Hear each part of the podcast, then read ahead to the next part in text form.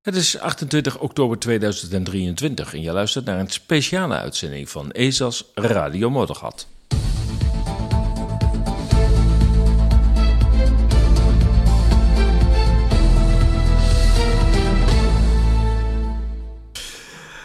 Goed, nou inderdaad wat ik zei, een speciale uitzending. Eh, welkom Elze.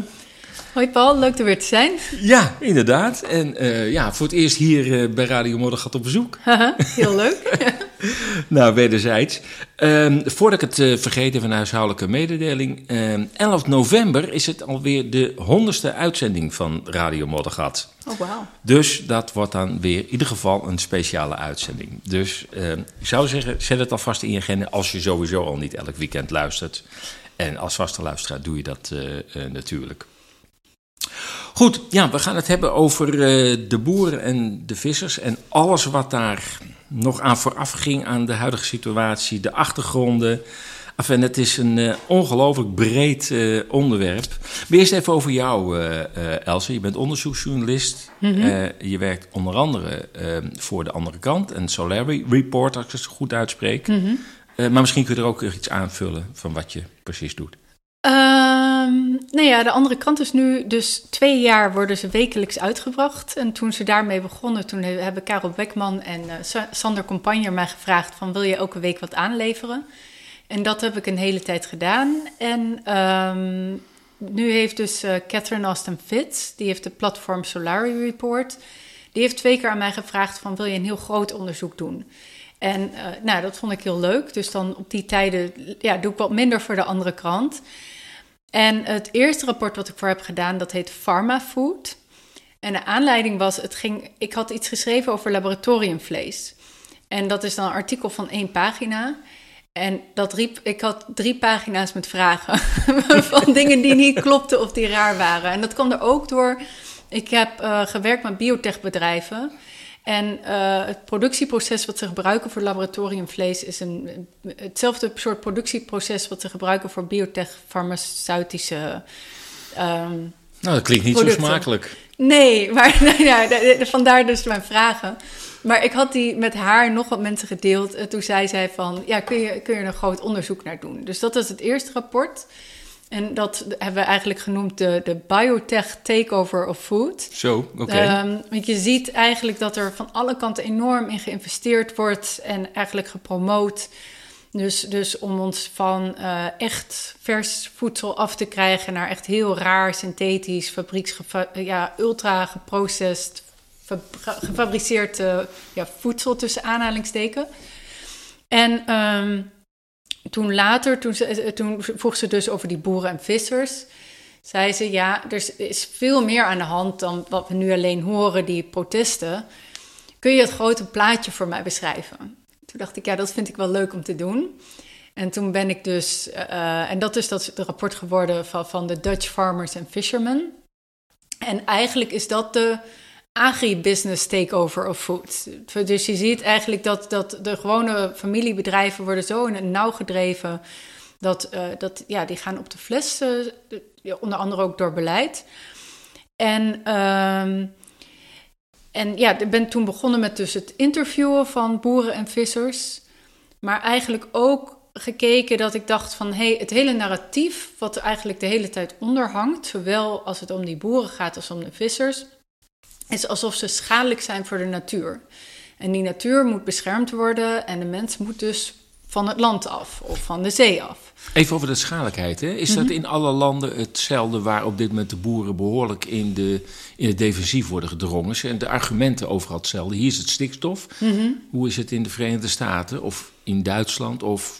Ja, dat weet ik eigenlijk niet. Oké. Okay. Nou, ik weet wel dat. Uh, het, stikstofprobleem is in die zin specifiek voor Nederland, omdat wij dus het ARUS-model hebben uh, rondom de Natura-gebieden. Maar ja, daar ga ik dan heel diep in in dat rapport. Maar dat, wat wij Natura-gebieden noemen, uh, dat behoort tot uh, het Ecosystem Network Model. En dat is vanuit de VN um, ingezet als voorwaarde om aan het biodiversiteitsverdrag te voldoen. En dat dus Ecosystem Network Model, dat is wereldwijd ingevoerd. En dat is maar dus, wie doet dat dan? Ehm, nou ja, wacht. E- Eerst uitleggen wat het is. Dan heb je dus een, een, een Misschien goed om eerst eens naar de, de, Ja. ehm, de industriële landbouw te gaan. Hoe die is ontstaan. Even Ja. terug. Oké, Ik denk ja. dat een hele hoop mensen niet weten eh, hoe we hier zijn gekomen. Bij de huidige ah, situatie. Bij de grote landerijen. eh nou ja, en dat soort eh, Precies. Nou ja, mijn achtergrondvraag was dus van hoe komt het dat die, dat die mens zo als schadelijk voor de natuur eh, wordt gezien? En wat ik denk, boer en visser is gewoon oudste beroep. Dat zijn de oudste beroepen die er zijn. Van mensen zijn helemaal niet schadelijk voor de natuur. Het is vooral van die doorgedraaide industriële systemen.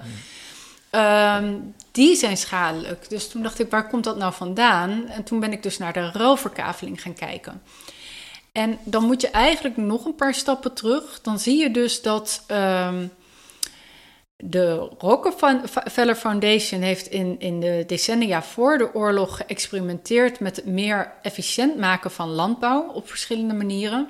Dat hebben ze dan in de Verenigde Staten gedaan, neem ik aan. Nee, eh, hebben ze onder andere in China, in Brazilië, in andere landen. Ja, de Rockefeller Foundation. Dus ze keken eigenlijk naar een ander soort landbouwmodel. En na de, eh, de- tussen de Eerste Wereldoorlog en de Tweede Wereldoorlog verliest de, eh, de, eh, het Britse imperium stort eigenlijk in, verliest zijn macht.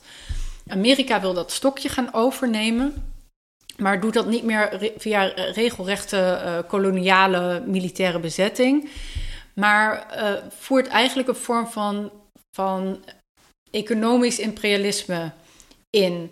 Dus door middel van opgelegde eh, vrijhandel, ehm, door schuldenslavernij, dus de, allemaal ja, via de VN en de Wereldbank. En, Allemaal financiële instrumenten eigenlijk. ja, dus officieel zijn die landen nog soeverein en zelfstandig. Maar ze worden op zoveel ma- ma- manieren economisch klem gezet dat ze eigenlijk niet meer hun eigen eh, regie over hun beleid kunnen eh, voeren. En een van de hoofddoelen van dus het Amerikaans buitenlands beleid in die naoorlogse jaren was om controle te krijgen over de wereldvoedselproductie. En de invoering van industriële landbouw was dan een hoeksteen van dat beleid. En dat systeem van industriële landbouw wordt dan in het zuidelijke halfrond uitgerold eh, door middel van de, de Green Revolution. Daar heeft dus die Rockefeller Foundation een hele grote rol in gespeeld. En in het noorden, eh, dus in, in Europa, wordt dat uitgerold via eh Marshallgeld. En Dat is dus zeg maar het geld dat na de Tweede Wereldoorlog als steun aan Europa is eh, Ja. aangeboden voor de wederopbouw. voor de wederopbouw. En, maar er zaten, speelden ook weer sterke belangen bij. Want ehm, een voorwaarde voor het Marshallgeld was bijvoorbeeld eh, Europese samenwerking. Mm. En dat was een openlijk doel en een meer covert doel. Dus bijvoorbeeld de CIA had namelijk eh, fondsen voor een committee voor de United States of Europe. Oké, Ehm, en daar maar- zijn we nu. ja, ja. Nou ja, eh, wat er namelijk was, van, van, van eh, de- de- kijk, er, er was de opkomst van het communisme. Na de, al die landen hadden enorme schade door de oorlog, dus veel armoede. Ehm, dus ze waren heel erg bang dat het gewoon een hele goede voedingsbodem was voor die communistische sympathieën. Ja. Ze wilden Duitsland er wel weer graag bovenop, maar niet als zelfstandig land wat, wat weer eh, heel dominant, op die manier dominant kon worden. Dus, dus ze wilden een soort ja, systeem van Europese samenwerking. En ook omdat eh, ze dan één aanspreekpunt hadden, dus, dus daardoor meer controle ko- konden uitvoeren. Eén telefoonnummer zeggen ze wel eens in Amerika. Hè? Ja. dus al die dingen bij elkaar was er heel veel eh, Amerikaans belang bij. Dus, dus eh, ja, een verenigd Europa. En dus dat invoeren van die industriële landbouw. En eh, daar is dus veel geld naar gegaan, maar dat is ook vooral een enorme kennisexport geweest. Je weet even niet precies de namen van die programma's zelf, maar bijvoorbeeld. Er, waren veel, eh, er was nog best wel wat tegenstand om bijvoorbeeld samen te werken met Duitsland zo vlak na de oorlog. Ja. En ook om de afhankelijkheid van Amerika. Maar er was dus vanuit de, de samenwerking van de State Department en de, eh, de, dat is niet de ambassade, maar de, hè, Buitenlandse zaken? nee, ehm, Binnenlandse zaken in Amerika? State nee, Department? de Amerikaanse ambassade, maar Oh. de, de, de, de, de, meer de diplomatieke tak daarvan. Ja? Die hadden dus een programma om uh, de elite van Nederland in bedrijf, politiek, uh, vakbonden, uh, iedereen die ergens maar boven in de boom zat, dus te beïnvloeden om ze dus warm te maken voor die Marshallgeld-investeringen. Dus het is ook gewoon eigenlijk een enorm, ja, de, de, politieke beïnvloeding, social engineering, propaganda, ja. ja hoe wil je het noemen? Was die Marshallhulp alleen voor Nederland bedoeld of hebben andere landen hem ook gehad, maar dan met andere voorwaarden? Nee, dat is, dat is in heel Europa dat Marshallgeld. Maar uh, per hoofd van de bevolking heeft Nederland daar het meeste van ontvangen. En hier werd het gekoppeld aan hervorming van de landbouw. Ja. En is het, heeft het in, is het in andere landen ook daaraan gekoppeld geweest? Of heb je het idee, nee. daar zijn andere doelen gesteld door Amerika? Nee, gewoon de industrie moest er bovenop en de landbouw maakte daar deel van uit, okay, ook in andere okay. landen. Aha, ja. aha. Maar zo kwam die langzaam, want die, zij dwongen eigenlijk tot grootschaligheid. Um, of... Ja, dus, dus dat die industriële landbouw is. Ja, moet je je voorstellen, van daar was ik nogal verbaasd over eigenlijk. Dus voor de Tweede Wereldoorlog was er wat ze ook noemden het kleine boerenprobleem. Ja. Dus een boer had gemiddeld 1 tot 2 hectare grond. En dat was dan uh, verspreid over, ik weet niet, 20 stukjes land. En uh, dat bewerkte hij dus met zijn familie en met landarbeiders. Die stukjes land dus verspreid. En, um, en dan had je ook nog soms dertige neven en nichten die er door overerving op een of andere manier aanspraak op konden maken. En op dat moment was het land dus het meest biodivers. Er waren gemengde bedrijven, biologisch. Uh, dus gemengd alles... betekent landbouw en veeteelt bij elkaar. Ja. Grondgebonden, dus niet afhankelijk van externe export. Uh, geen wagens die met mest heen en weer rijden. Nee, geen pesticiden. Dus um, er, er, de, de, ja, die, de, dus de biodiversiteit of de natuur in Nederland was eigenlijk nooit zo goed als toen de boeren ervoor zorgden. Maar wat was dan het probleem, het kleine boerenprobleem? Nou, uh, dat, uh, dat, dat soms gingen de oogsten mis en het was ook niet efficiënt. Dus je hebt allemaal hele kleine stukjes land. Dus het is wel handig om dat op een gegeven moment wat samen te voegen en wat groter te bewerken. En bijvoorbeeld die stukjes land, die kun je op een gegeven moment niet goed door wegen verbinden. Uh, dus, dus er was ook echt wel ruimte voor verbetering. Maar wat je hier dus eigenlijk ziet met die ruilverkaveling, is dat het een enorm. Ja, dus ook door de, door, de auteurs zelf die daarover schrijven. Dus social engineering project. Van eerst, het begint als van ja, we moeten. Het, er is ruimte voor verbetering. Maar je krijgt dus van bovenaf opgelegd, wordt het samengevoegd tot enorme lappen grond. Ook behoorlijk dwingend met gemanipuleerde stemprocessen. En um, al die stukjes land hadden dus, waren afgeschermd door houtwallen, door heggen, door bomenrijen, meanderende beekjes. Dat werd allemaal gewoon rigoureus met de grond gelijk gemaakt. Dus afhankelijk... Ik hoorde dat er 240.000 kilometer heg is verdwenen. 225.000. Ja. Ja. Goeiedag. Dat zeg je zo over de vogelstand en insecten natuurlijk. Ja, ja. Hè? Nee, want ook die heggen, die, vinden, die uh, zorgen dus voor verbindingen in het landschap. En daar gaan allemaal zoogdieren in zitten en vogels en insecten. En uh, ja, dus dat is allemaal met de grond gelijk gemaakt. En um, afhankelijk van wie je leest, van de ene auteur zegt van uh, dat het 65% van het land, en ik heb ook eentje gezien die had het over 75%. Maar laten we zeggen, van het land dat agrarisch is? Nee, oh. 65 tot 75 procent van het Nederlandse landoppervlak is dus in die periode tussen 1945 en 1985 gewoon gebuldozerd. Goeiedag. Gewoon verkaveld. Weet je. Dus het landschap wat we nu hebben is het gevolg van dat, van dat project. En die hele natuur is toen dus ook op, met grond gelijk gemaakt. En waar ik nog niet zo heel veel informatie over heb kunnen vinden dat is ook niet de focus van mijn rapport, maar wel iets wat ik me heel erg afvroeg. Is, um, kijk, zo'n boer woonde in een dorpje en dat land was verspreid over verschillende dorpen. Dus ik kan me voorstellen dat dat hechte gemeenschappen waren. En uh, hij bewerkte dat land ook met andere werk, uh, uh, mensen. En dan wordt in de ruilverkaveling wordt dus het land dus geconsolideerd, dus tot één groot gebied. Dan worden nieuwe boerderijen, een nieuwe boerderij wordt midden in zo'n plat stuk land gezet. Maar al die gemeenschappen moeten uit elkaar zijn getrokken. Ja, en er waren dus ook de overheidsadviseurs, want daar zie je dus het social engineering project. Er waren dan één adviseur op 400 boeren of zo. Het was echt gigant. En dan ook uh, advies heel specifiek aan de boerinnen, want die moesten worden meegenomen. Dus in het moderniseringsproject. Ze werden gezien als. Uh, uh, ja, het platteland was achtergebleven en sommigen waren nog niet op gas en licht en, of op elektriciteit en water aangesloten. En um, ja, veel van zo'n boerengezin kon dan niet meer, niet iedereen kon meer op het land werken. Dus dan was er advies over hoe je werk in de stad kon vinden. De landarbeider sowieso was zo goed als geen werk meer voor. Dus, dus die, die ruilverkaveling heeft ook gezorgd voor een enorme trek naar, uh, van de stad, het platteland naar de stad. Dus eigenlijk een leegloop van het platteland. Maar het moet eigenlijk ook een enorme impact hebben gehad, cultureel gezien dus. Ja, die gemeenschappen die uit elkaar ja. werden gehaald. Ja, en families kan ik me voorstellen. Ja, ja. Want dus als je, als je een paar boerenzoons hebt en maar eentje kan, kan door op een boerderij, wat doet dat met een familie? Ja, ja. Nee, dat stond niet in die proefschriften. Nee, nee, nee, nee, nee, precies, precies.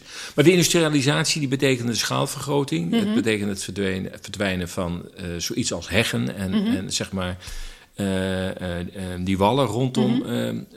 de boerderijen en, en de landerijen. Dus dat betekent, in de, de, toverwoord is nu biodiversiteit. Nou, dat mhm. is toen massaal gesloopt, zou je kunnen mhm, zeggen, in dat soort gebieden. De gebieden kwamen er anders uit te zien. Uh, rond Witterswijk kun je nog een beetje proeven hoe het er misschien uit heeft gezien. Mm daar, daar, heb je nog wat kleinschalige landjes. Dus als je het nog wil zien van hoe het was, dan kun je rond Winterswijk kun je nog een beetje het gevoel krijgen hoe dat Nederlandse landschap er ooit uit zou uh, hebben gezien. Maar uiteindelijk, de, de, de situatie zoals we die nu aantreffen, is een mm -hmm. gevolg van die enorme ombouw van de Nederlandse landbouw na de Tweede Wereldoorlog. Ja. Marshallhulp, schaalvergroting, gebruik kunstmest, maar ook splitsing, denk ik, van landbouw en veeteelt dan. Precies. Is dat onderdeel geweest van die schaalvergroting? Ja, ja, want dat was dus een rationalisering en het efficiënt maken van, uh, ja, van het boerenbedrijf. Dus een ander heel belangrijk gevolg is dat eigenlijk is dus, dus de, het beroep boer is duizenden jaren ongeveer hetzelfde ge, geweest.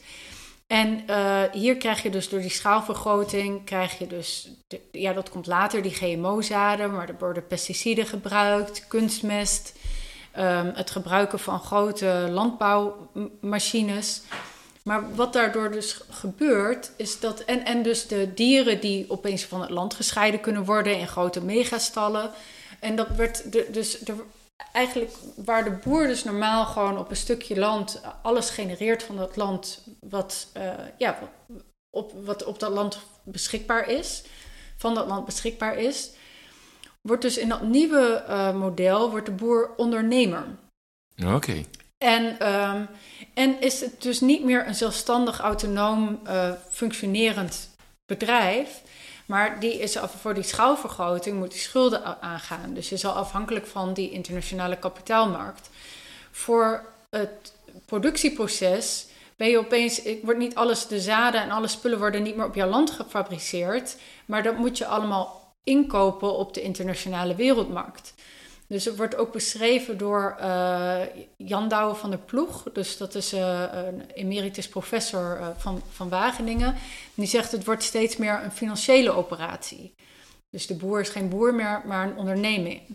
En hij heeft het ook over, dus van der Ploeg, over dat die... Um, dat de, de, de, inzet van die landbouwwetenschap, van de wetenschap, dus een hele grote rol daarin in speelt.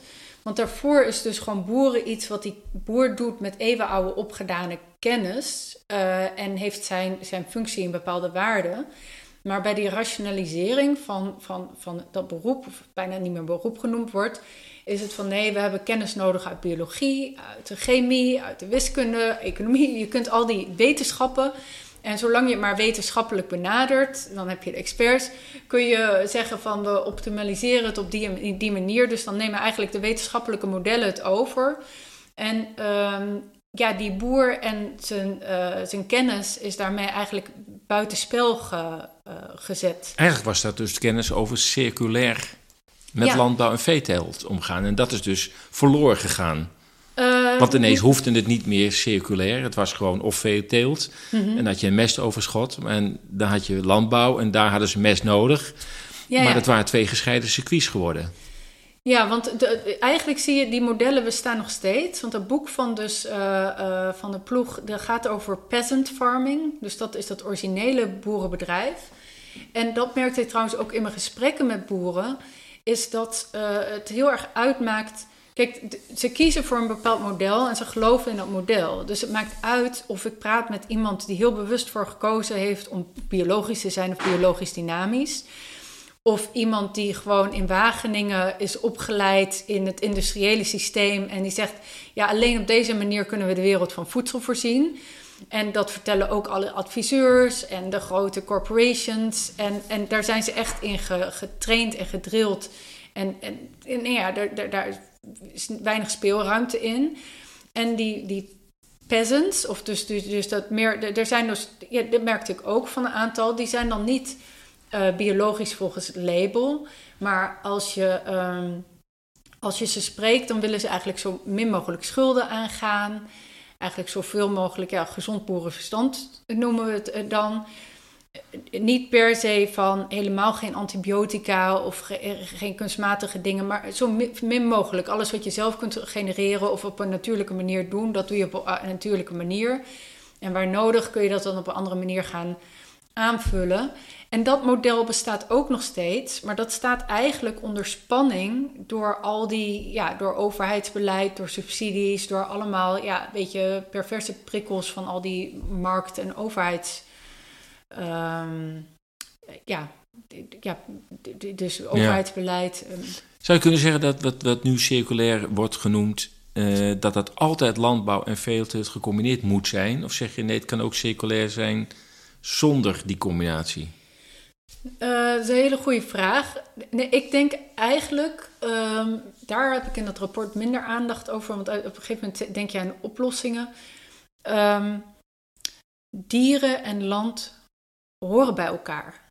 En um, om een voorbeeld bij te geven, en dat was ook van boeren die dat vertelden, maar ook van wat ik van Amerikaanse boeren las, is bijvoorbeeld dat, dat, dat op het moment dat je dus de, de, niet meer dieren laat grazen in een natuurgebied, dan wordt dat eigenlijk niet meer ge, uh, dan, dan wordt dat gras, dat gaat te veel groeien en dan krijg je niet zoveel lucht erbij. En op een gegeven moment sterft dat af en dan krijg je een soort uh, afstervingsproces. Dan wordt het gewoon woestijn. Dan blijft die, je niet die humus in de grond. Mm Terwijl als je die dieren erop laat grazen, die hoeven, die, die malen het een beetje rond. Ze poepen erop, dus die, die grond wordt vruchtbaar. Uh, dus die dieren zijn heel belangrijk voor die grond.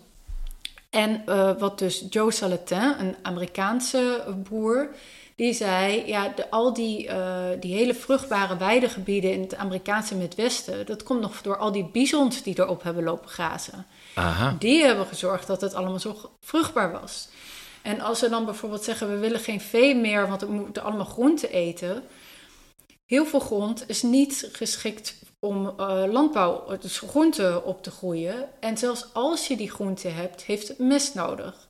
Ik koop bij een, dus een landbouwboer een groentepakket en die zei: Ja, wij hebben soms een tekort aan biologische mest, maar mijn, mijn, die wortels die jij eet, die kan ik niet groeien als er geen mest bij komt. Nee, nee. En komt hier zeg maar het belang van de grote concerns Namelijk dat die zeggen, ja, daar hebben wij een oplossing voor. Gebruik maar kunstmest. Dat je dieren ervan af, daar geen natuurlijke mest meer van, mhm. dan maar kunstmest.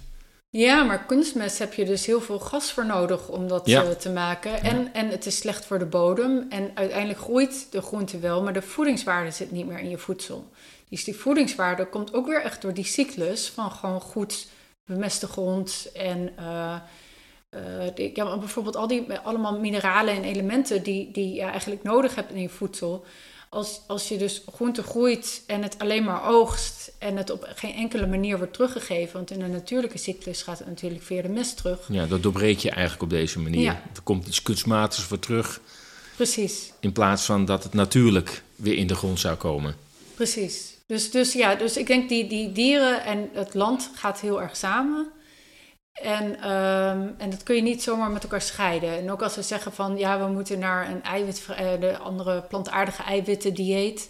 Die kun je allemaal niet groeien zonder mest. En dat kun je niet zomaar door kunstmest vervangen. Oké, oké. Ik wil even naar de visserij, want volgens mij is daar nou ja, iets vergelijkbaars aan de gang. Laat ik zo zeggen, de mhm. visserij. wordt geconfronteerd met dezelfde maatregelen van jullie moeten terug in, uh, in, in jullie uh, visvangst. sterker nog, het aantal schepen moet worden mhm. gereduceerd. Hoe zit dat precies? En heeft dat met het voorgaande te maken? Of zeg je dat zijn twee losse processen van elkaar? Nou, het is heel vergelijk. Er zitten verschillen in, maar het is heel vergelijkbaar. Kern van het verhaal is dus dat zowel die boeren en vissers te maken hebben met Natura-gebieden. Dus wat je eigenlijk zag naar de ruilverkaveling, is dat zeggen, ja, er is wel heel veel natuur vernietigd. Dus dan krijg je zelfs ruilverkaveling voor het instellen van natuurgebieden die dan onder beheer van Staatsbosbeheer komen. Mm -hmm. nou ja, dan mag die boer dus alweer niet uh, terecht. En uh, de vissers hebben dus ook te maken dat er Natura-gebieden zijn waar ze dan niet uh, op terecht mogen. Of nu de garnalenvissers, die moeten dan investeren in een katalysator en een vernieuwing van hun motor. Um, dus dat is twee keer een ton investering voor een kleine boot. Geldt dat ook voor de mammoetankers die uh, over de oceaan varen? Dus dat gaat alleen voor de kleine bootjes, geldt dit? Precies, maar als je vergunning wil houden, dan moet je die investeringen doen, anders ben je klaar. Mm maar dan wordt je bedrijfsrisico genoemd. Oh ja. ja. Ja, ja, ja, ja, ja, ja, ja, Maar dat geldt niet voor de hele scheepvaart dus. Er zijn vaak zoveel schepen, uh, dus, maar het geldt alleen voor de vissers. Ja. Oké. Okay. Ja, er zijn heel hm. veel uitzonderingen, maar voor die vissers zijn ze heel streng. Maar dus dat, probleem van de Natura-gebieden hebben de boeren en de vissers. En wat ze eigenlijk ook gemeen hebben, is wat ik in het rapport noem, is de, de policy tsunami. Dus een soort overvloed van beleid, ja. waardoor je zo klem wordt gezet. En het maakt niet uit of je kleine gemengde boer of grote en industrieel van. Iedereen wordt op zijn eigen manier zo klem gezet dat het eigenlijk bijna onmogelijk wordt om een goed winstgevend bedrijf te, te, te, runnen. Of tenminste, het is dan niet alle boeren, maar als je dan net bij dat Natura-gebied zit, dan heb je een probleem. Of, um, en dan om een voorbeeld te geven bij die vissers van dus die tsunami van uh, beleid, is, nou ja, eerst had je Brexit, dus toen verloren ze daar visgronden door. Door de windmolen... Mogen, mogen de Engelsen ook niet bij ons vissen? Is dat ook gescheiden? Dus de Engelsen kunnen ook niet in, dan, ja. in Nederlandse wateren komen? heb ik eigenlijk niet gevraagd. Okay, Dus uh, dan heb je de Natura-gebieden. Ze willen dus enorm veel windmolens op de zee zetten. 30.000 hoorde ik. Ja, dat is niet alleen het Europese... Dat is het voor het Europese Noordzee totaal. Maar het is echt een gigantische, aan, uh, gigantische aantallen. Ook op de dus Nederlandse deel van de Noordzee.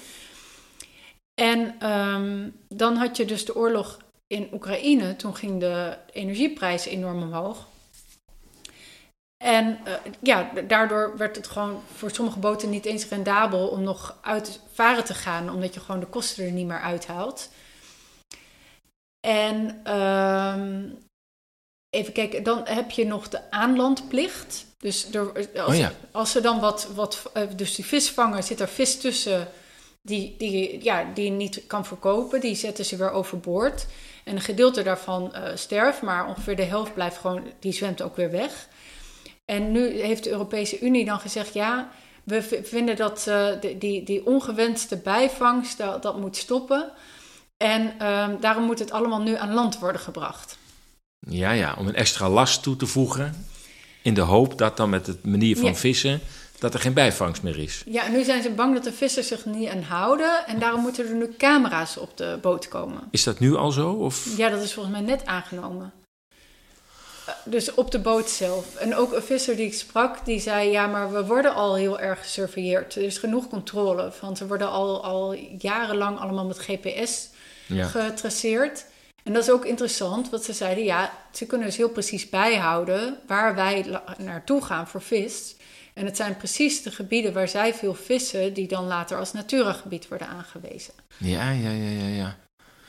De, als, als je dat zo vertelt, zowel van de landbouw als de visserij, denk ik altijd van. Um, ja, de, de, bekende vraag bij alles wat we nu meemaken is: uh, uh, wie zijn ze die dat mhm. willen?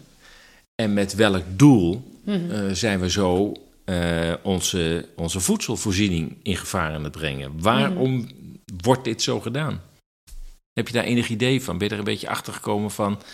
ja, of zeg het zijn allemaal verschillende krachten en machten die allemaal ongeveer dezelfde agenda's hebben, of dat het toevallig uh, dezelfde richting op gaat, of zeg je nee, er zit toch wel een fundament achter dat, uh, dat echt wel richting geeft aan wat er nu gebeurt?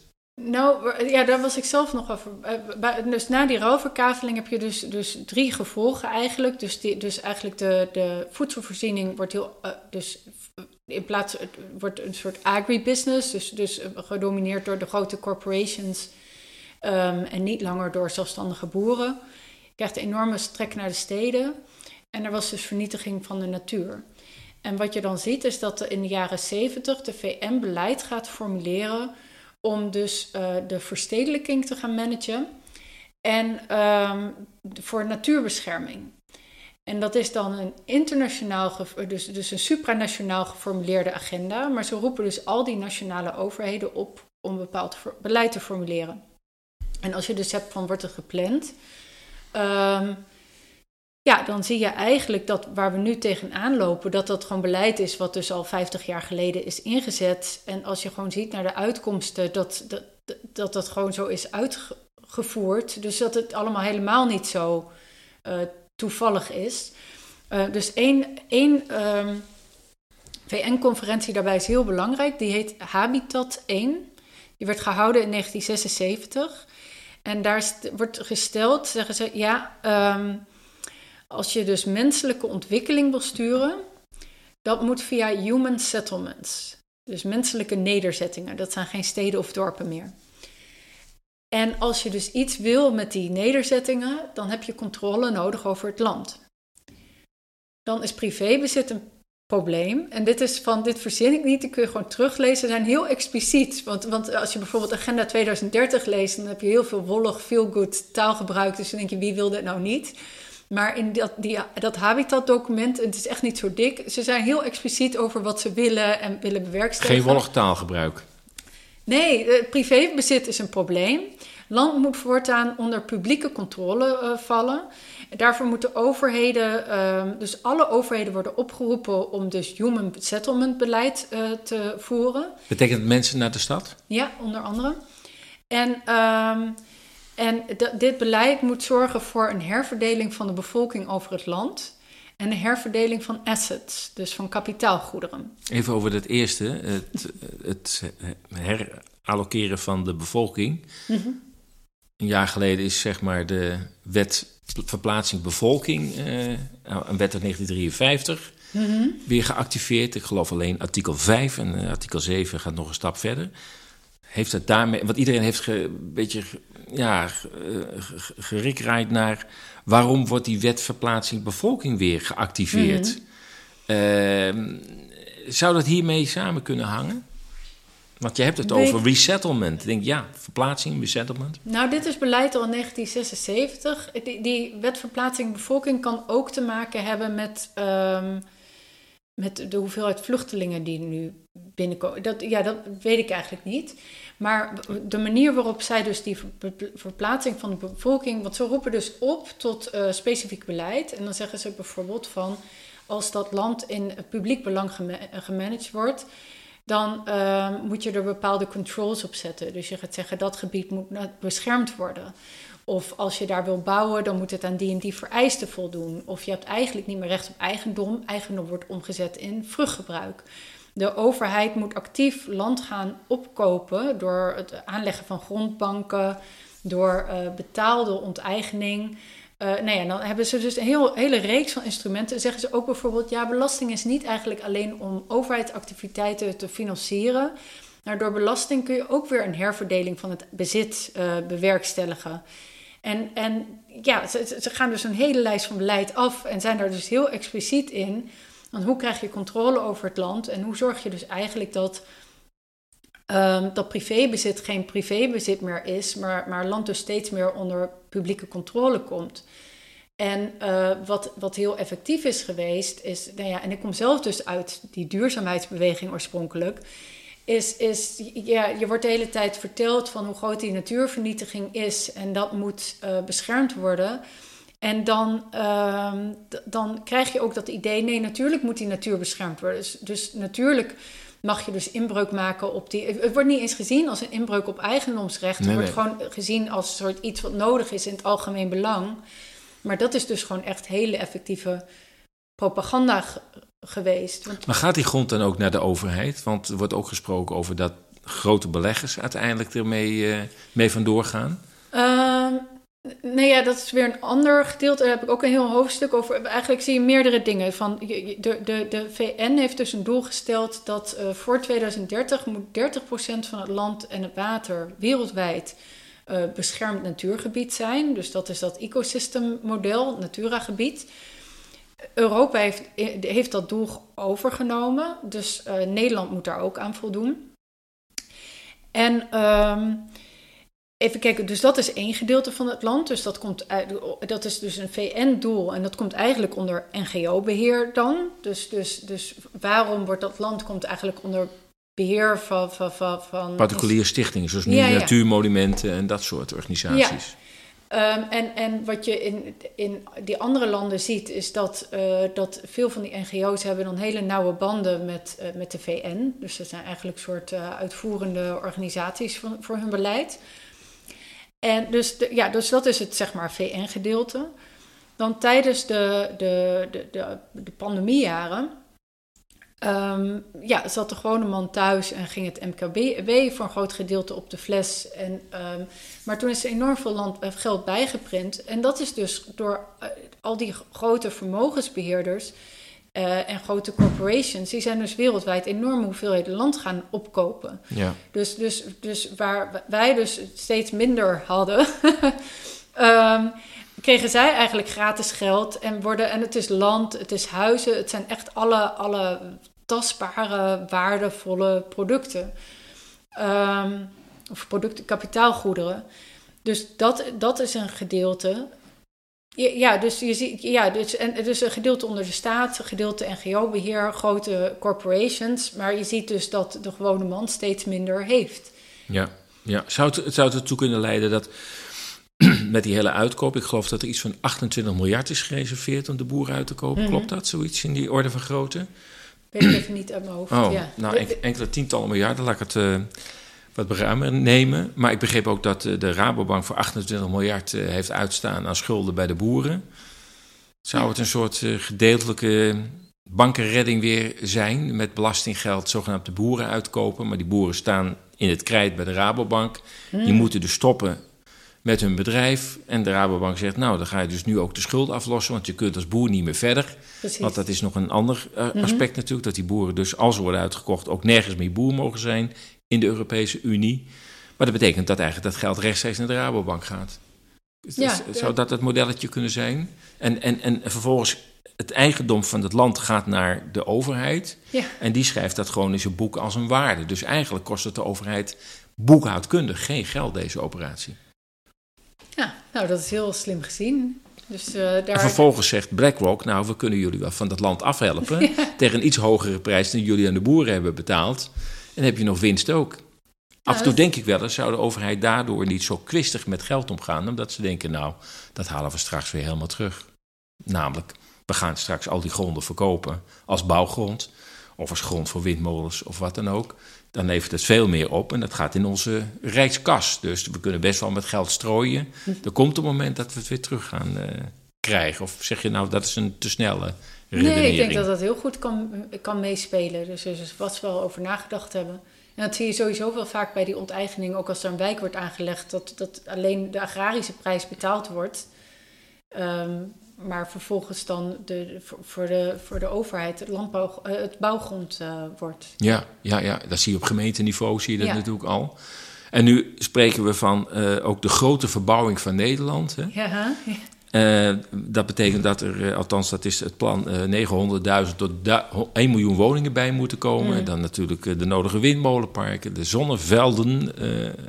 En natuurlijk ook infrastructuur. Als je een miljoen huizen gaat bouwen, dan moeten er ook wegen bij komen. Mm -hmm. uh, ik, ik, begrijp dat dat regionaal wordt aangepakt. We zitten hier in Gelderland. Ik begrijp dat de driehoek Zutphen, Deventer, Apeldoorn ehm, eraan moet gaan wennen... dat er straks behoorlijk wat woningbouw in die driehoek terecht gaat komen. Mm -hmm. hangen die twee dingen met elkaar samen? De uitkoop van boeren en dat straks gewoon veel woningen gebouwd moeten worden? Nou, daar lijkt, de overheid zegt van niks, niet, maar het, ja, het, het, lijkt er toch wel op. Ja, hè? ja. Van, uh, en ook als je het trouwens heel specifiek uitrekent. Want uh, er is een rapport van het plan, dus planbureau. En dan zetten ze uiteen van wat, wat, welke hoeveelheden land nodig zijn. Dus voor natuurherstel, voor waterbeheer. Voor... En, um, en ik heb dat die totale bij elkaar opgeteld. En toen dacht ik, wat is nu de grootte van een gemiddeld boerenbedrijf?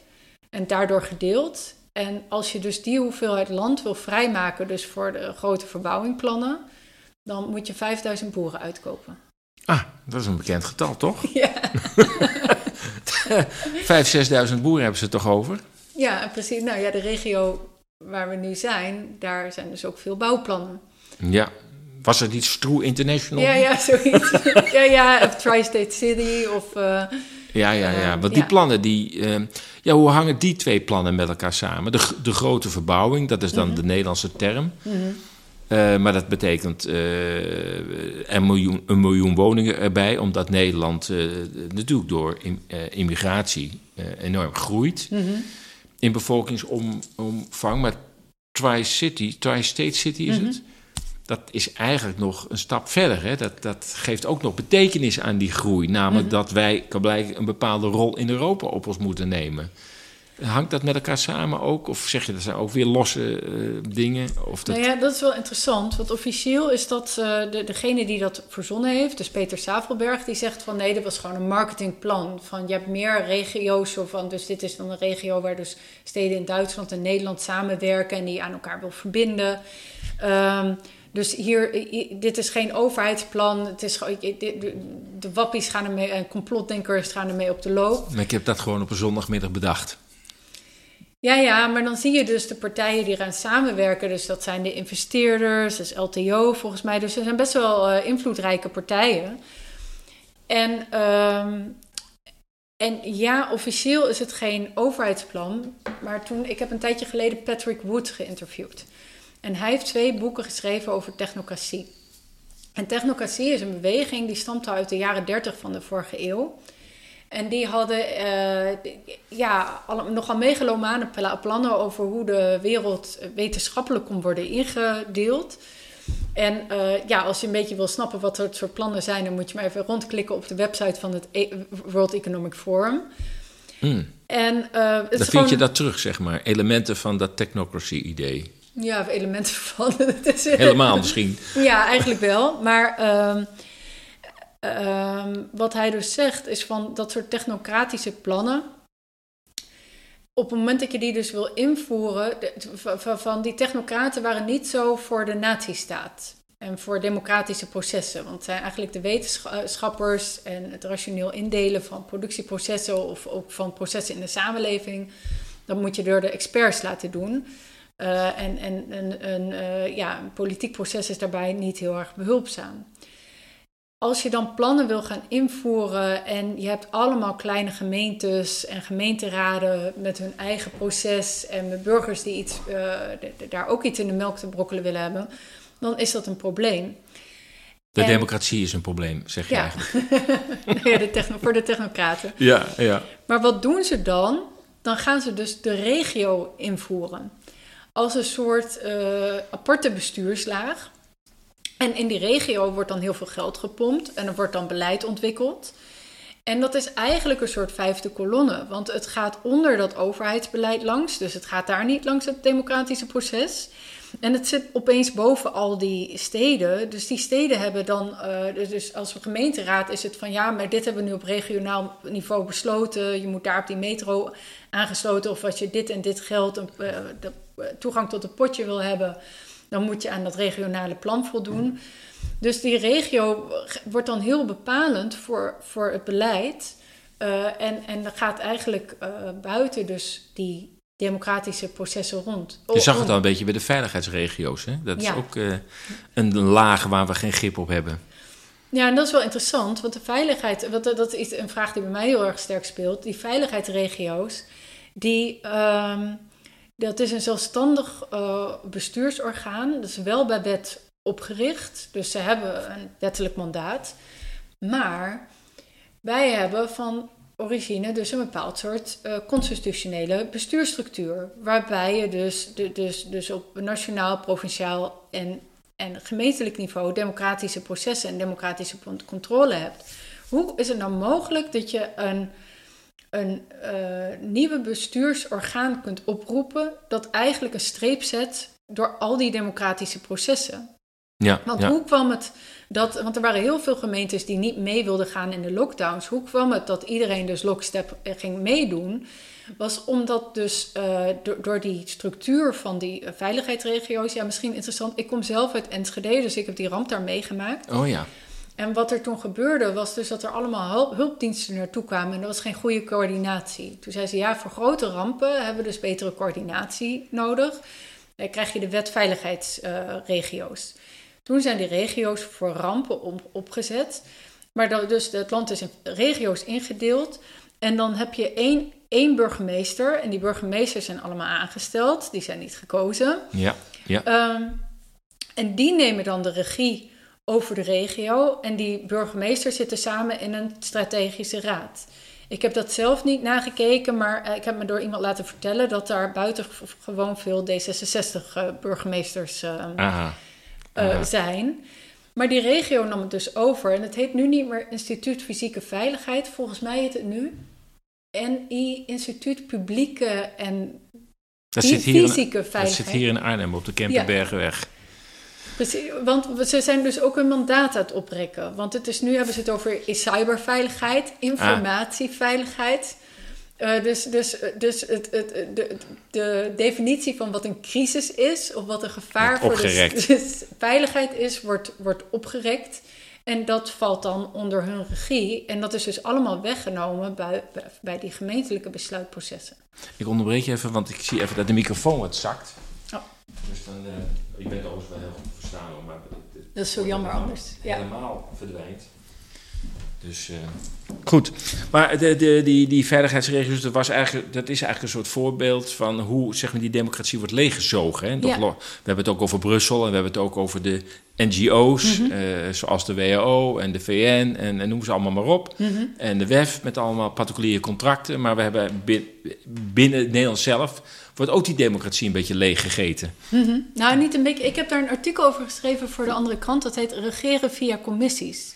Okay. Want dat was voor mij, toen viel er een kwartje. Um, je hebt een uh, voormalig KGB-agent, Yuri Beresmov. Oh ja. En die geeft dan een lezing over subversion, over ondermijning. En nou ja, hij, hij beschrijft dus hoe ze dat vanuit de KGB aanpakten. Maar wat hij op een gegeven moment beschrijft, is van je laat gewoon die originele bestuurstructuur helemaal intact, doe je niks mee. Maar je gaat ervoor zorgen dat je de echte besluitvorming, dat die in andere uh, afdelingen of organisaties plaatsvindt. En toen hij dat zei, viel er een soort kwartje bij mij. Toen had ik een hele riks van, van, van ja, organisaties of dingen in hoofd. Want in principe hebben we wel, uh, ja, misschien niet helemaal meer voldoende voor de tijd, maar dat idee van trias politica, van controle op de macht, van checks and balances, een, um, ja, een, een constitutie. Hoewel het jammer is dat we daar bij ons niet aan mogen toetsen. Maar nee, in de basis zou het nog wel redelijk oké okay zijn, met ruimte voor, voor verbetering. Maar uh, je ziet eigenlijk dat, dat, bijna alle gebieden worden de besluiten. De ene kant is de EU. Maar ook door internationale vrijhandel, waar we het dus eerder over hadden, zet je eigenlijk de regie over je economie. Uh, zet je op wereldniveau. En wie controleert ja. het op wereldniveau? Ja, internationale corporations. Van daar zit ook niet uh, ja, een bepaalde controle of verantwoordingsplicht achter. En ja, dan heb je dus de NGO's, het VN-beleid. Maar ook bijvoorbeeld als je kijkt dan bij gemeentes. Ik ben dan met 5G bezig geweest. En dan stel je vragen bij de gemeente. En die raadsleden kunnen niet zelf vragen beantwoorden. Die, die, die, die weten eigenlijk heel weinig. En dan is het, ja, uh, we kijken wat de VNG daarover zegt. De Vereniging Nederlandse Gemeentes. Dan denk ik, ja, voor de VNG heb ik niet gestemd. Waar Nee. leggen zij hun verantwoording af? Ja, ja, ja. En zo zie je dat het. Uh, maar zo, dat is eigenlijk op grote schaal ook met het World Economic Forum aan de Mhm. gang natuurlijk. Hè. Dat, dat op zich is het World Economic Forum geen besluitvormend orgaan. Maar door het feit dat er zoveel belangrijke spelers in de economie en politiek en media bij elkaar komen, Mhm. maakt dat er toch eh, een, een oncontroleerbare macht is ontstaan die wel degelijk sturend is voor Ja. de ontwikkelingen van nu. Ja, echt belangrijke, want dat kun je nog bijna zeggen dat dat is hun eigen keuze. Maar wat Dat die, bedoel je met hun eigen keuze de, van de, de, de, keuze van hun leden en van, Oh je ja, mag een ja, club ja. richten en plannen maken en, en ja, daarvan ja, alles. alleen met grote invloed op de Ja, samenleving. ja, dat wel. Wat ik problematisch vind, is dus dat ze rechtstreeks ingangen bij het kabinet hebben. Want dat Ja. hebben de, de Forum voor Democratie heeft dus een WOP-verzoek ingediend. Ja, ja. En daar zijn die brieven op tafel gekomen. En dan zie je dus dat er is een ambtenaar en die zegt... oh, wat, wat fijn dat je me op mijn WEF-adres e-mailt... want hij is op zijn overheidsadres niet goed bereikbaar. Je, ja. En ook daarmee niet controleerbaar, hè, wat er in Nee. die mailbox van het WEF gebeurt. Maar dat er een rechtstreeks verzoek komt van... ja, er moet dan een Food Innovation Hub... van Global Coordinating Center for Food Innovation Hub. Dus WEF, die, die... Nou, ik had het in het begin van dit gesprek over pharmafood. Maar het WEF heeft dus... eh, ja, allemaal plannen voor dat hele synthetische, kunstmatige... Tussen aanhalingstekens voedsel... En heeft dus, dus eh, niet een waardevrije visie op hoe dat voedselsysteem daaruit moet zien. En die hebben dus een rechtstreeks verzoek, volgens mij was dat aan eh, minister Kaag, van ja, eh, eh, kan de overheid meehelpen investeren? En daar wordt dan meer dan zes ton voor vrijgemaakt. Dus ze hebben gewoon rechtstreekse ingang, dat wordt opgezet. Dat is duidelijk een politieke agenda. Daar hebben we gewoon niet voor gekozen. En dan komt u Wageningen, begrijp ik. Niet toevallig, denk ik. Nee, helemaal niet. Maar, Hoe, maar hoe, hoe, eh, eh, heb je daar ervaring mee van hoe staat de Universiteit van Wageningen erin? Wordt die nou ge- politiek geïnstrumentaliseerd in feite? Zo van, die wordt nu in dat systeem getrokken? Of kan, kan de Universiteit van Wageningen nog een onafhankelijke positie behouden? Nu eigenlijk de regering zegt, je krijgt er een hub bij en ga daarmee samenwerken. Ik denk dat ze al niet onafhankelijk zijn. Nee, je hebt de, de Corporate Europe Observatory. En die hebben onlangs een artikel een paar maanden geleden uitgebracht. Waarin ze dus keken van ehm, eh, de, de, de professoren die dus onderzoek verrichten. En die daarna patenten krijgen voor hun werk en daar heel veel geld mee verdienen. En, en aan welke bedrijven en start-up, eh, dus de gro- grote agribusiness corporations, maar ook welke start-ups ze aan be- betrokken zijn. En dan zie je eigenlijk van, ja, het is gewoon een soort corporate front.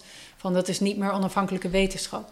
Het valt me ook op trouwens dat als je in Wageningen bent, daar zitten heel veel bedrijven bij- rondom dat, die campus, zeg maar. Hè. De, de grote foodbedrijven Ja. zitten daar al lang. Dus ik kan me voorstellen dat daar ook geldstromen gaan zo richting universiteit. En toegepast onderzoek wordt gedaan. Precies. Nou ja, dat is toen ik nog in duurzaamheid werkte. Toen was ik op een eh, duurzame chemieconferentie. En daar gaf iemand een lezing. En dat was dus veel mensen uit de academische wereld. En zij stelde dus aan de zaal een vraag van... eh, wie van jullie doet onderzoek wat niet door bedrijven gefinancierd is? Er was niemand die hun hand opstak. Wauw. Dus de overheid doet ook niet zoveel meer als opdrachtgever voor onderzoek. Nog los van de vraag of de overheid nog onafhankelijk is als opdrachtgever. Dat is nog een ander verhaal. Maar het kan blijken dat de overheid daar geen geld meer in steekt. Of is er Ja. toch nog wel een potje onderzoek bij?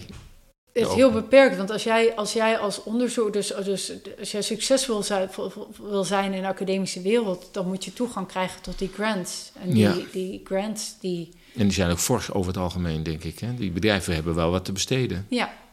Maar dan heb je dus niet onafhankelijk onderzoek meer. Nee, nee, het is meer de vraag dan van zo'n bedrijf.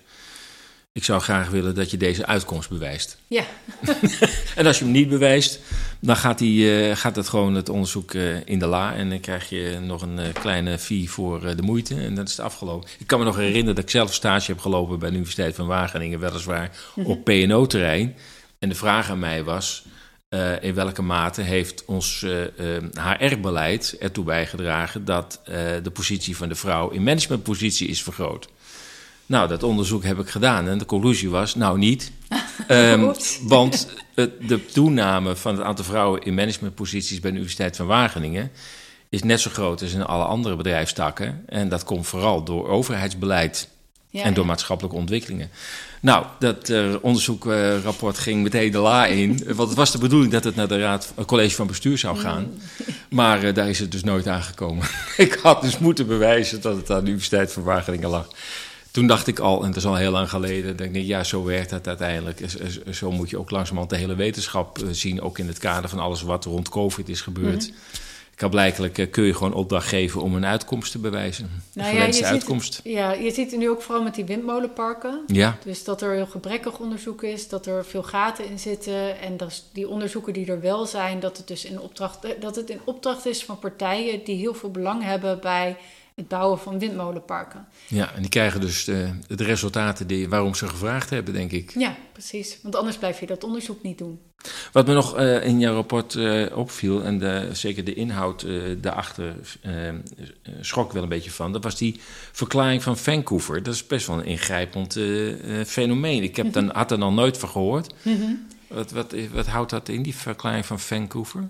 Ja, dat is wat ik net noemde, die Habitat 1. Oh, dat, dus is dat, hetzelfde? ja, ja, ja, want dat was namelijk Habitat is dus de naam van de conferentie. Ja. En die werd gehouden in Vancouver in 1976. Dus het is niet een nadere uitwerking. Ik begreep een beetje uit, uit je onderzoek dat het een soort nadere uitwerking was van Habitat 1. Of zeg je dat is één hetzelfde? Ja, dat is één hetzelfde. Je krijgt dan de, dat noemen ze dan de Vancouver-verklaring. Maar dat is de verklaring naar aanleiding van die conferentie. We hebben het gehad over eigendom en land, maar uh, je hebt het in je onderzoek ook over uh, eigendom van vastgoed. Met andere mhm. woorden, de eigen woning.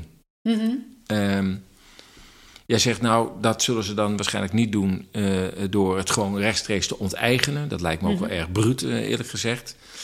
Um, maar dat doen ze gewoon door de kosten, de lasten steeds te verhogen van eigendom. Dat kan zowel voor de auto gelden. Ik hoorde dat je voor een camper nu 1000 euro belasting uh, moet gaan betalen extra. Ik snap even niet, er stond in de krant. Nou, even de kranten dan. Maar in ieder geval, uh, uh, ja, dan denk ik, ja, dat is ook bezit. Dat, dat, ineens moet je 1000 euro meer betalen. Ik denk dat een hoop mensen dan er maar van afzien, omdat ze het mhm. niet meer kunnen betalen.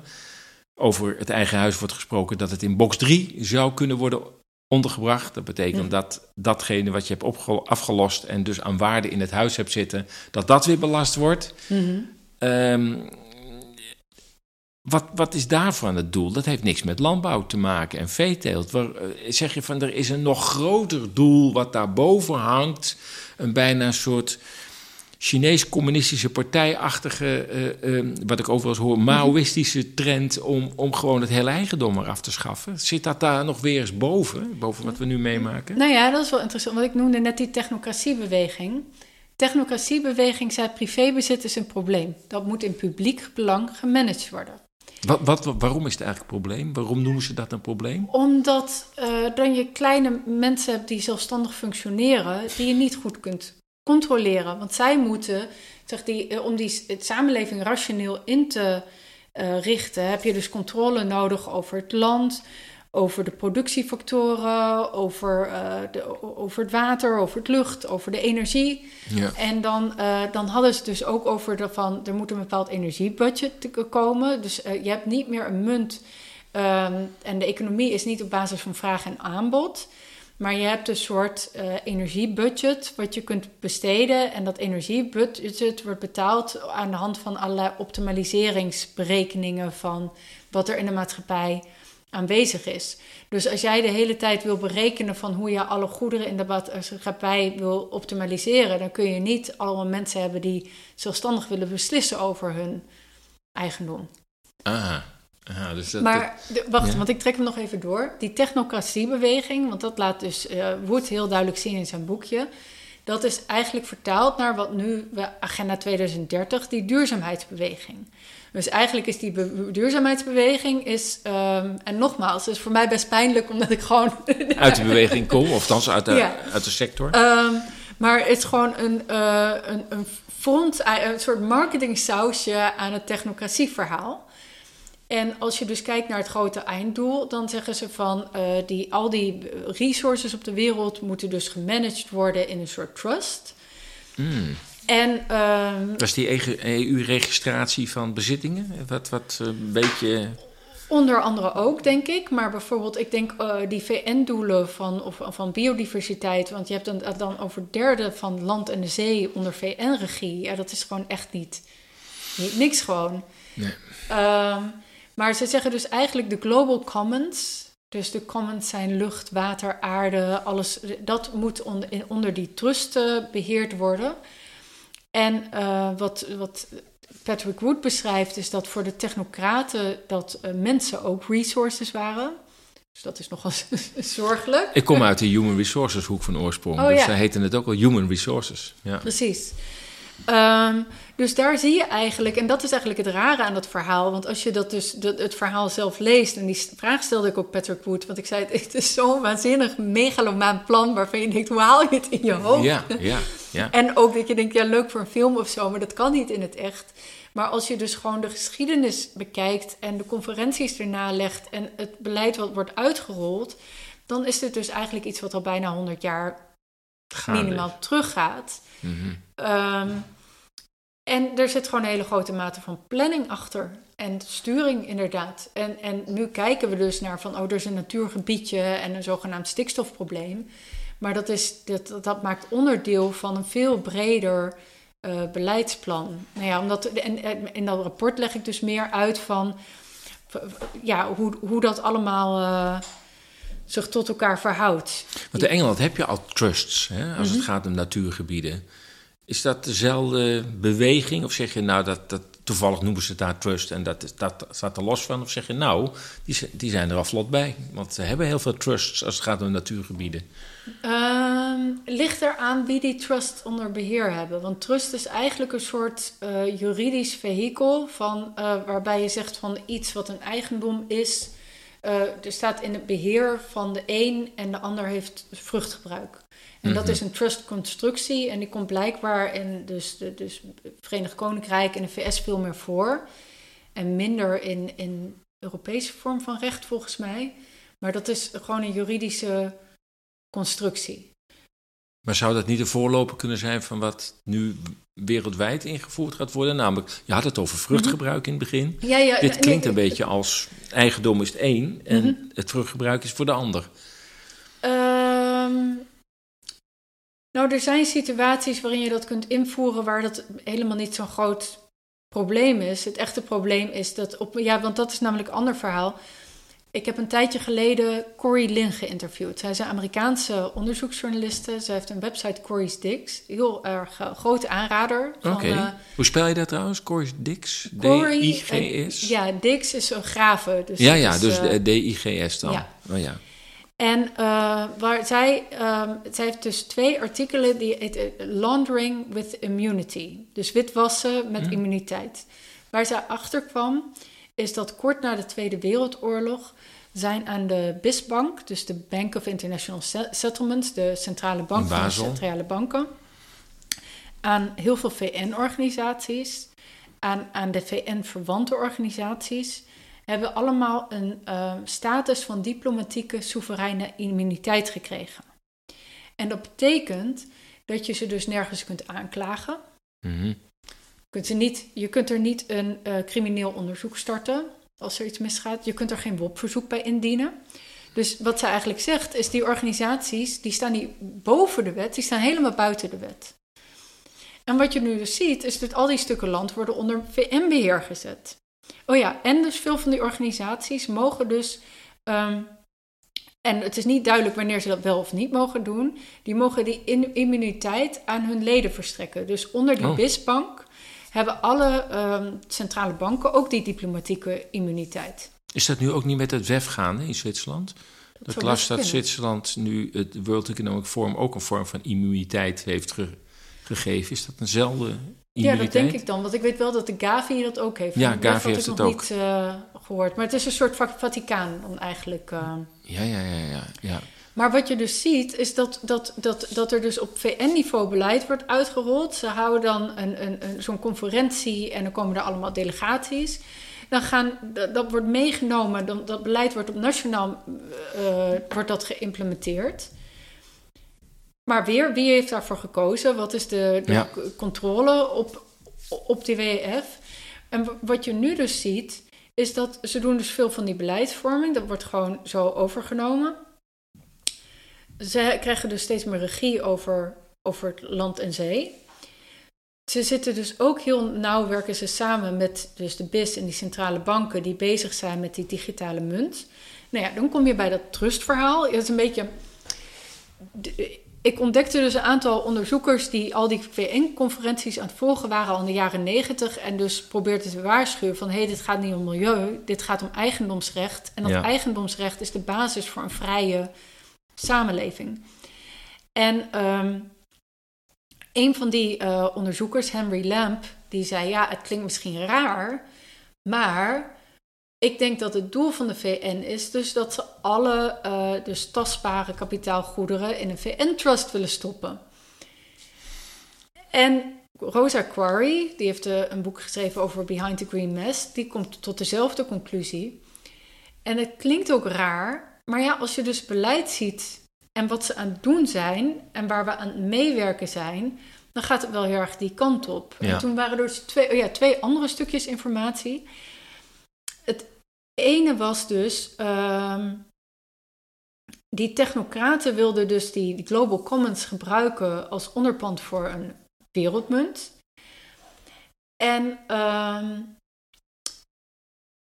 en toen las ik een blog bij iemand en die zei: Ja, ik kan me herinneren, er was een van zijn. Er was iemand in de jaren tachtig die had per ongeluk een uitnodiging gekregen voor de World, World Wilderness Convention. Oh, dat is een van de punten die ik nog wel Ah, aanstippen. ja, en hij dacht dus van, oh ja, wat is dat? Maar uit nieuwsgierigheid is hij daar naartoe gegaan.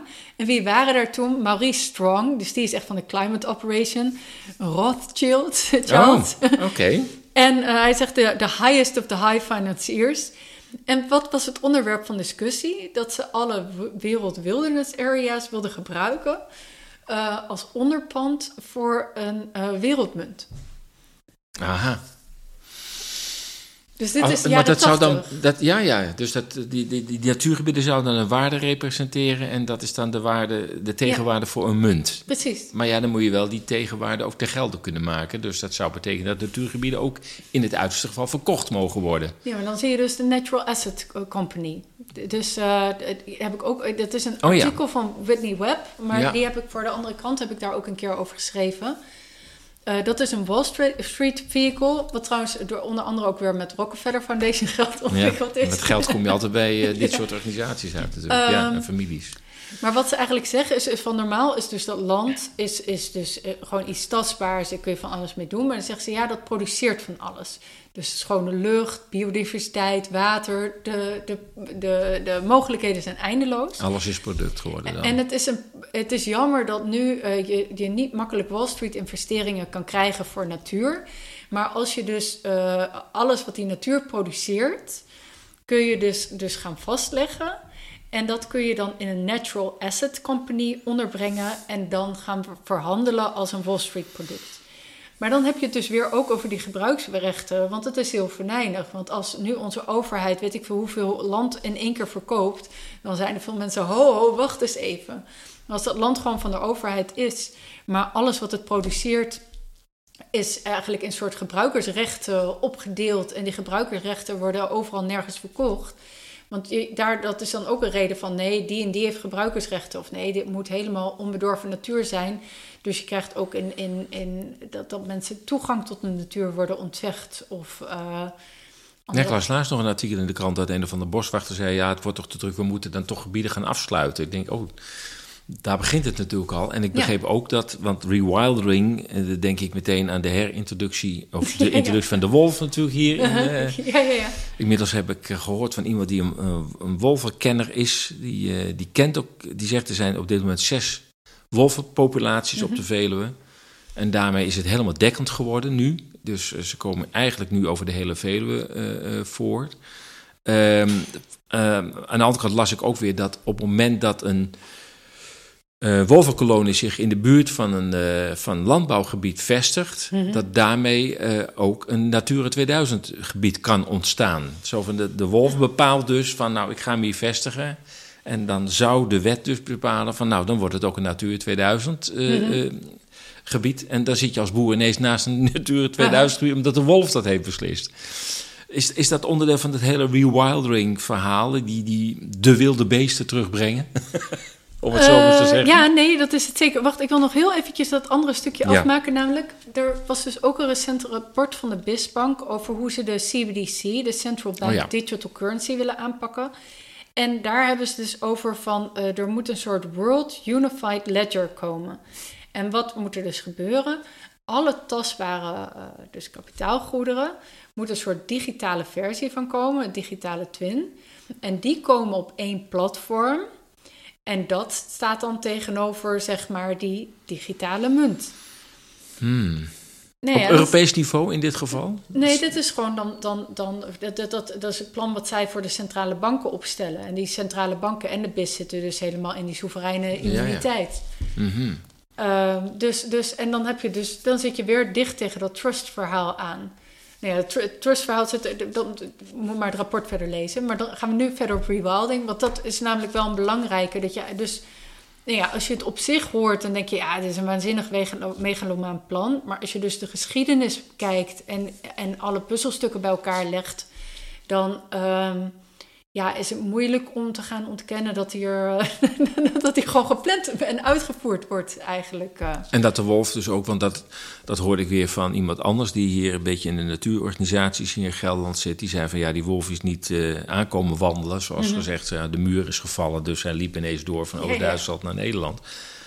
Uh, overigens wel dan 30 jaar over gedaan. Maar uh, hij is hier echt geïntroduceerd. Hij is hier mhm. ook bewust uitgezet. De, de, er zijn al, alleen al iets van 13 NGO's die zich inzetten voor het herintroduceren van de wolf in een van de meest dichtst. Maar het is, die achtergrond van de rewilding is wel interessant. Want eventjes terug dus naar, je hebt dat Habitat 1, die gaat officieel over human settlements. Maar wat het eigenlijk impliciet doet, is dat het ook bepaald wordt van waar mag je niet meer wonen. Mm -hmm. Vervolgens krijg je dus de Rio-conferentie in 1992, er zit wel wat tijd tussen. En uh, dat heeft twee belangrijke gevolgen. Dus in die agenda 2030 zit veel van het Human Settlement beleid. En dat is dan nu de Smart City of 15 minuten city.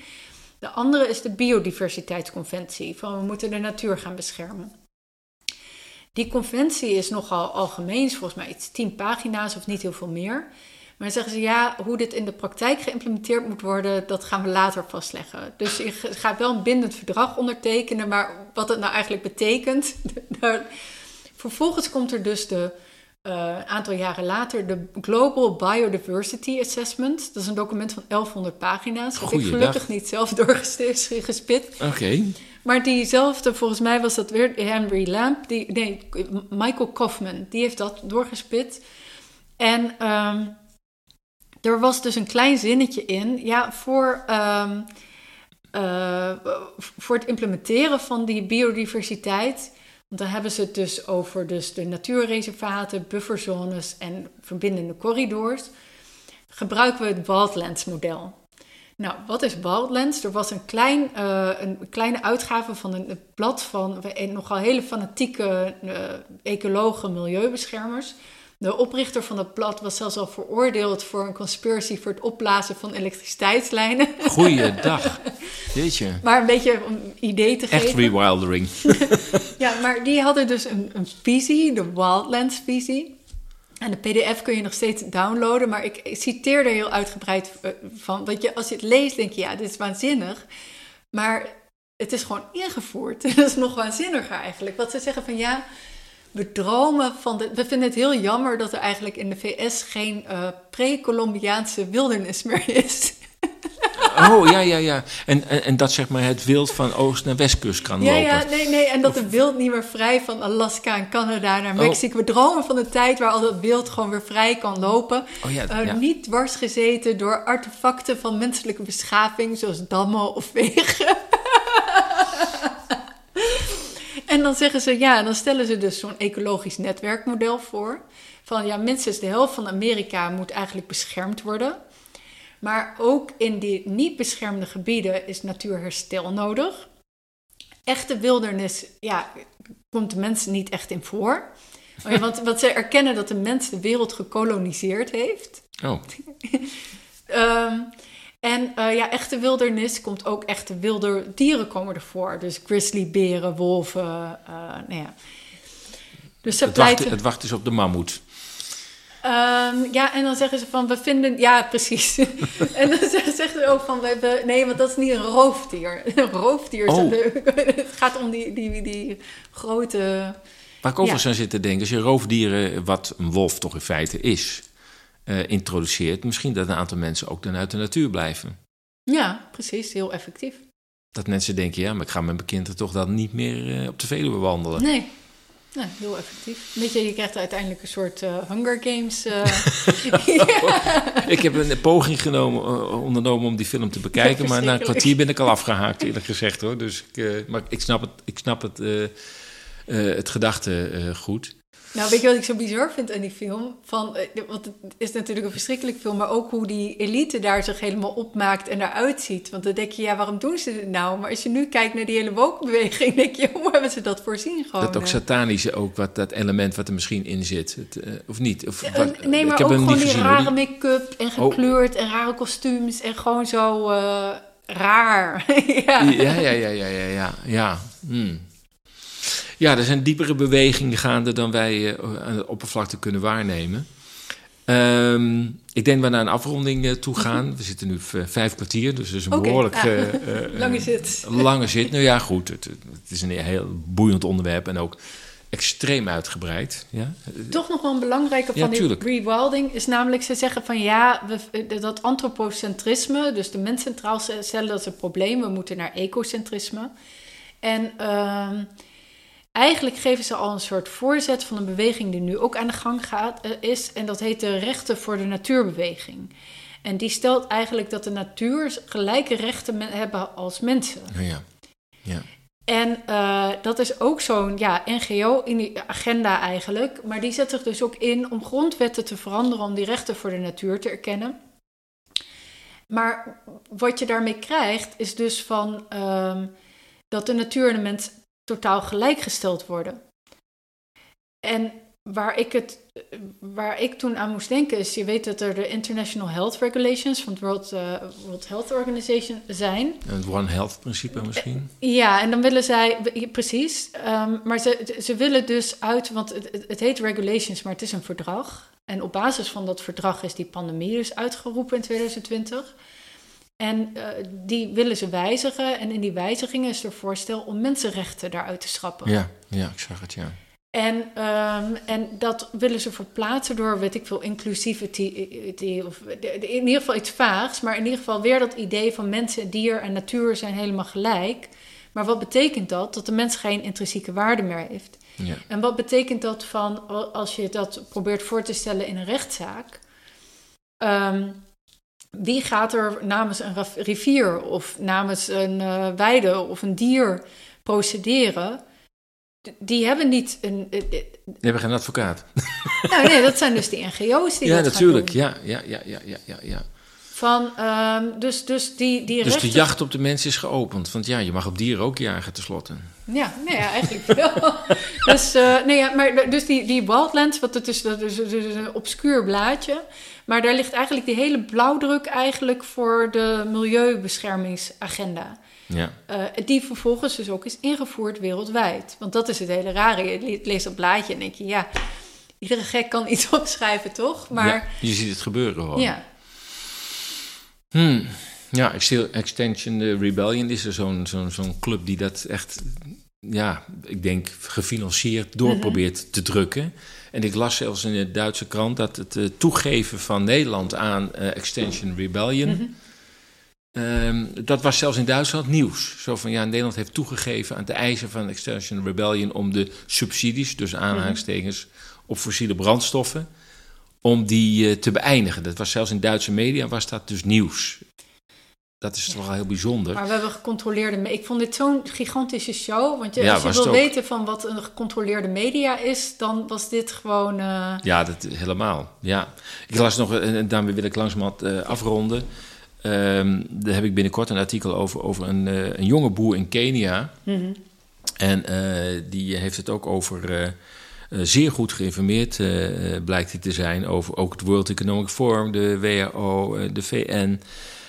De Wereldbank. Uh, ja, hij zegt het liefst. hij zegt. we hebben ook invloed van die clubs hier in Kenia. Mm -hmm. Hij zegt. ja, liefst zouden ze allemaal vertrekken hier. Want we hebben er helemaal niks aan. Ze maken ons afhankelijk. Ja. hij zegt. De WEF is nu in opkomst, zegt hij in Kenia. Hij zegt. Die begint nu ook steeds meer. Voet aan de grond te krijgen. hij zegt, onze president is helemaal into ehm, het, het, het klimaatverhaal. Mm. Hij zegt, nou ja, goed, ehm, wij, wij als boeren hebben daar niet zoveel mee hier. hij zegt ten eerste, ehm, waar wij zitten in het noorden van het zuiden van Kenia, zegt dat regelt voldoende.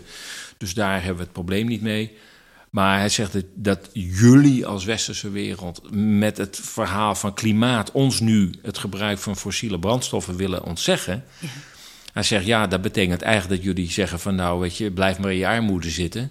Wij hebben eh, dankzij de fossiele brandstoffen onze, onze welvaartspeil kunnen bewerkstelligen. Maar dat is niet voor jullie weggelegd. Mm.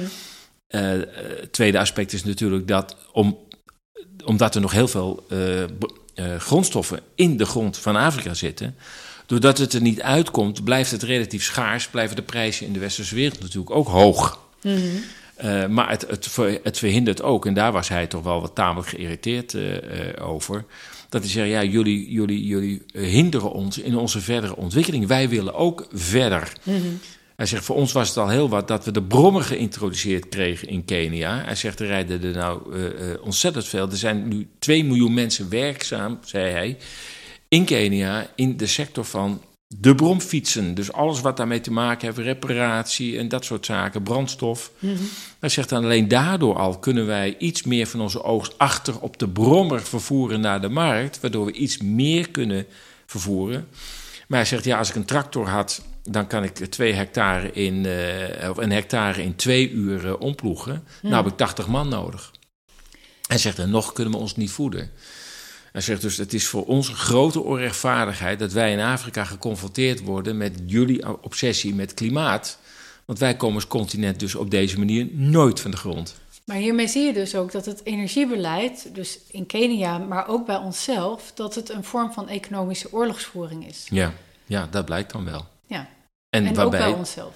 Ja, waarbij de westerse wereld uh, uh, zeg maar, uh, probeert de superioriteit te behouden mm over landen als Afrika, hè, over, over, over, gebieden als, uh, als Afrika.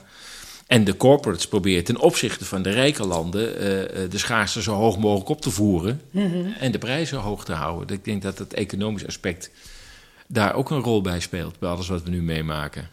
Precies. En als je nu bijvoorbeeld, ik heb onlangs Bert van Weteringen ge, geïnterviewd over zijn boek over een artikel op uh, esas.nl staan, ja, daarover. En uh, hij zegt dus van die systeemkosten voor zogenaamd hernieuwbare energie zijn tien keer meer dan voor fossiele brandstoffen. Ja. Dus je gaat tien keer meer voor energie beta uh, betalen. En dat is allemaal op rekening van de burger, de consument, van MKB. Uh, dus, dus je maakt alles duurder. En als je het hebt over you own nothing, dan is dat niet dat ze langskomen en het gaan innemen. Dan heb je inderdaad in één keer een opstand. Maar dit gaat beetje bij beetje van. Daar is het meer belasting, daar is de regelgeving, daar is het verplichting investering in uh, zonnepanelen. Daar is het invloed over, eh, over uh, of je je huis wel voor die of die prijs mag verkopen aan welke persoon. Daar is het aan box 3. Daar gaan we geld bij printen en wordt je geld wat minder waard. Nou, dan moet je een tijdje thuis zitten, krijg je geen inkomen meer. Nou, ja, dat is hoe you or nothing bij elkaar optelt. Ja. En wat dat betreft zijn de boeren en de vissers dus gewoon echt de kanarie in de kolenmijn. Want die zijn gewoon zo klemgezet. Dat, ja, dus gewoon nu hebben 200 boeren zich meer. Ja, 200 boeren zouden nu vrijwillig, tussen ja, aanhalingstekens... vrijwillig. Al make you an laten... offer, you can't refuse. Precies, precies. Um, maar de vissers hebben dus... Um, is meer dan de helft van de vloot is aangemeld voor de sloop. Want dat is de voorwaarde om de, de uitkoopsubsidie te krijgen. Dus eh, zij worden zo klem gezet dat voor hen op een gegeven moment alleen de enige rationele keuze is van ja, dan moet ik er maar mee stoppen. Ja. Maar deze agenda gaat tegen ieder van ons, alleen voor ieder van ons heeft het net een beetje ander gezicht. Ja. Ja. ja, ik wilde net over de energiearmoede in Duitsland beginnen, wat de voorloper is van Nederland. Hè. Ik hoorde dat uh, de windmolens, uh, althans de windmolenparken die nog in de planning staan, op 40 miljard meer gaan kosten. Las ik in de krant. Ik denk, meer. Wat, kost dan, wat is dan de basis? Wat zijn er de basiskosten als het 40 miljard meer gaat kosten? Nou ja, ik denk dat we langzaam Duitsland achterna gaan, waar een enorme energiearmoede is. Veel mhm. mensen worden afgesloten van energie in Duitsland op dit moment omdat het gewoon niet meer te betalen uh, is. Nou ja, ik zie ook dat Duitsland de kolencentrales weer opstart. uh, Gatsweiler 1 en 2. Dat zijn de bruinkoolgaten in het landschap bij Aken. Ehm, die worden uitgebreid. Er moet wel een windmolenpark voor worden afgebroken. want die hadden ze naast de, de mijn gezet om natuurlijk mooie plaatjes op te leveren. Kijk, het een vervangt het ander. En nou is het precies andersom. Namelijk dat de uitbreiding van Katzweiler betekent dat een deel van het windmolenpark weer moet worden afgebroken. Dus ja, de, de wal gaat schipkeren, denk ik. Dus het verhaal zal nog wel even doorgaan. Maar ik heb het idee dat, dat onderhuids, ook dat Zweden, mm -hmm. he, heeft Vattenfall verboden om een nieuw windmolenpark te bouwen. Met als argument, en dat vond ik verheugend, een woord dat we lang niet meer gehoord hebben: milieu. Oh, verhip, blijkelijk is windenergie helemaal niet zo goed voor het milieu. Ah, ja, nou, het feit dat daar voor het eerst dat argument wordt genoemd uh, om het, gewoon de bouwvergunning niet af te geven. Ik denk van ja, hmm, laat, ik, ik hoorde over investeerders in Engeland die minder belangstelling beginnen te krijgen voor, voor windmolenparken. Ik denk dat uh, het tij al aan het keren is. En af en toe denk ik wel eens, als ik zeg dat wel eens in mijn omgeving, van de 2030 zijn we hier vanaf. dat zou wel heel mooi zijn. Ja, ja daar gaan nou, we voor. Oké, prima. Um, nog even één ding. Uh, je hebt dat onderzoek gedaan. Mm -hmm. uh, waar kunnen mensen dat lezen? Nou, binnenkort is er een website die heet koers2030.nl. En daar kun je dit rapport downloaden. En uh, daar zetten we heel beknopt neer waarom dit onderwerp zo belangrijk is. Want uh, we hebben het telkens over milieu en stikstof, daar gaat het niet over. Dit ja. gaat om eigendomsrecht, toegang tot land, ondernemingsvrijheid. Dus ondernemingsvrijheid vrij van verstikkende wet en regelgeving. Ja. En het beschermen van de voedselzekerheid. En dat is echt de basis voor gewoon een vrije, creatieve, innovatieve maatschappij. Dus dit zijn gewoon de onderwerpen waar we het over moeten gaan hebben. En de kern is dus niet milieu. Maar, en, en ook dat eigendomsrecht. Mensen als zij voor een klein stukje land zorgen, zorgen goed voor een land. Ja. Het zijn juist van die hele grote corporations die, die nooit op het land komen, die uh, grootschalige projecten die het vernietigen. Dus dat idee dat de mens en de natuur gescheiden moeten worden en dat de mensen er niet voor zou kunnen zorgen, ja, dat is ook een onderwerp wat we echt terug op de discussie. Dus we moeten het debat op een hele andere manier gaan, uh, voeren. voeren. En als je daar meer over wil weten, dan moet je die website in de gaten houden. Binnenkort online koers 2030.nl. Ja. Else, dankjewel. Ja, ook bedankt, Paul.